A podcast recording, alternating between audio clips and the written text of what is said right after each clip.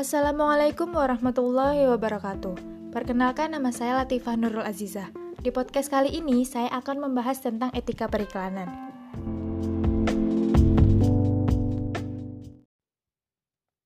Periklanan sendiri dapat dikategorikan sebagai bentuk komunikasi persuasif karena menawarkan informasi tentang produk, ide, dan jasa yang melayani tujuan pengiklan. Berbicara tentang etika periklanan, pada awal dekade 1980 menjadi tahun kelahiran dokumen yang berisikan tentang etika periklanan yang dapat dilihat dalam konteks periklanan yang ada di Indonesia. The Wild Wild West merupakan istilah dari Amerika Serikat yang muncul pada abad ke-18, yaitu era di mana koboi menjadi penguasa hukum di negara tersebut yang saat itu baru berdiri. Merujuk pada asal kata The Wild Wild West ini, bisa dibayangkan bagaimana situasi periklanan yang ada di Indonesia, yang diwarnai dengan ketidakteraturan karena ketiadaan etika yang dapat disepakati untuk dijadikan pegangan di industri periklanan yang ada di Indonesia. Beberapa hal yang akan dibahas mengenai etika periklanan saat ini, di antaranya ada etika bahasa iklan, iklan dan anak-anak, frekuensi publik dan iklan televisi, kemudian ada etika lingkungan dalam periklanan, dan yang terakhir ada iklan peralihan dan penyerobotan privasi. Nah, mari kita mulai dengan yang pertama, yaitu etika bahasa iklan. Bahasa yang digunakan dalam iklan menjadi permasalahan yang sering muncul dalam dunia periklanan.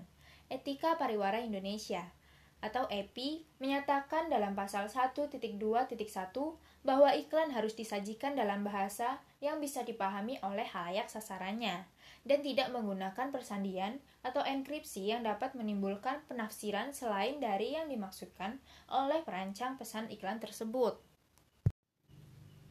Kemudian yang kedua ada iklan dan anak-anak. Iklan yang ada di televisi adalah iklan yang pertama kali dikenal oleh anak-anak. Relasi iklan dan anak-anak sendiri dapat diletakkan dalam filsafat deontologi, karena menekankan pada tujuan. Ada dua kategori efek iklan kepada anak-anak. Yang pertama, efek yang sesuai dengan apa yang diinginkan oleh iklan. Dan yang kedua, efek yang tidak ingin dihasilkan dari interaksi anak dengan iklan. Nah, salah satu contoh dari persoalan iklan produk anak yang ada di Indonesia adalah kontroversi iklan susu kental manis. Karena dianggap membohongi publik dengan iklannya yang menampilkan anak sebagai pemeran iklan mengkonsumsi susu kental manis tersebut.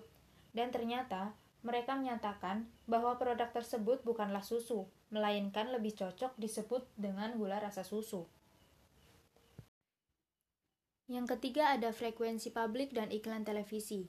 Iklan di media penyiaran radio dan televisi diatur lebih tegas daripada iklan di media lain. Komisi Penyiaran Indonesia mengatur tentang iklan dalam standar program siaran.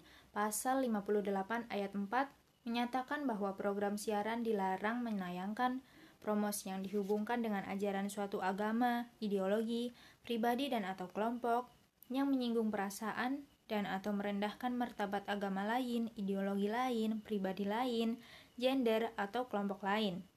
Kemudian promosi minuman beralkohol atau sejenisnya. Kemudian juga promosi rokok yang memperagakan wujud rokok dan adegan seksual, adegan kekerasan, kemudian upaya menyembunyikan, menyesatkan, membingungkan, atau membohongi masyarakat tentang kualitas, kinerja, harga sebenarnya, dan atau ketersediaan dari produk dan atau jasa yang diiklankan dan eksploitasi anak di bawah umur 12 tahun dan atau hak-hak yang bertentangan dengan kesusilaan masyarakat dan nilai-nilai agama.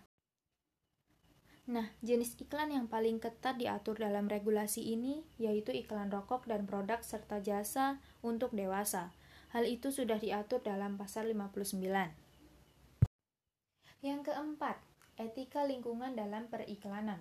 Etika lingkungan adalah etika yang berhubungan dengan bagaimana manusia bertindak dengan lingkungan, baik sesuai dengan kewajiban deontologi maupun tujuan teleologi.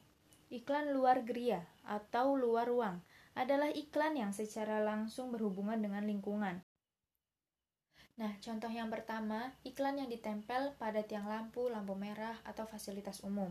Dan yang kedua, contohnya spanduk yang dipaku di pohon. Dan yang ketiga, contohnya baliho besar yang berada di pinggir jalan.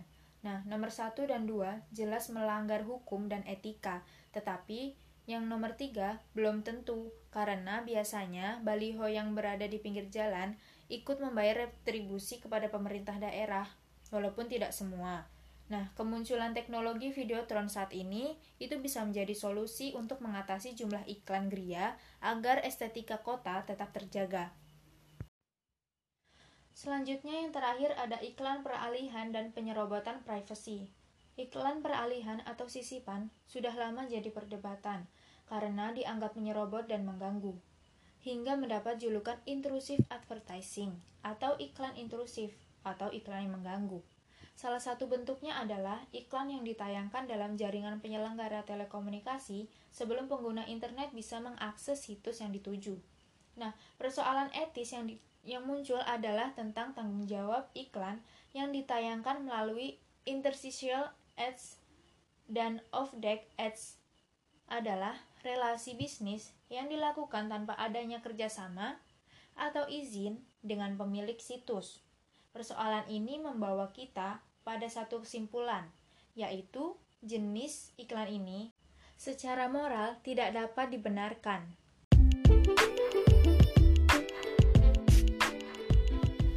Nah, mungkin segitu dulu yang bisa saya sampaikan. Terima kasih sudah mendengarkan podcast mengenai etika periklanan ini dan saya menggunakan referensi buku Etika Komunikasi di Era Siber yang ditulis oleh dosen saya sendiri Fajar Junaidi yang kurang lebihnya mohon maaf. Terima kasih. Wassalamualaikum warahmatullahi wabarakatuh.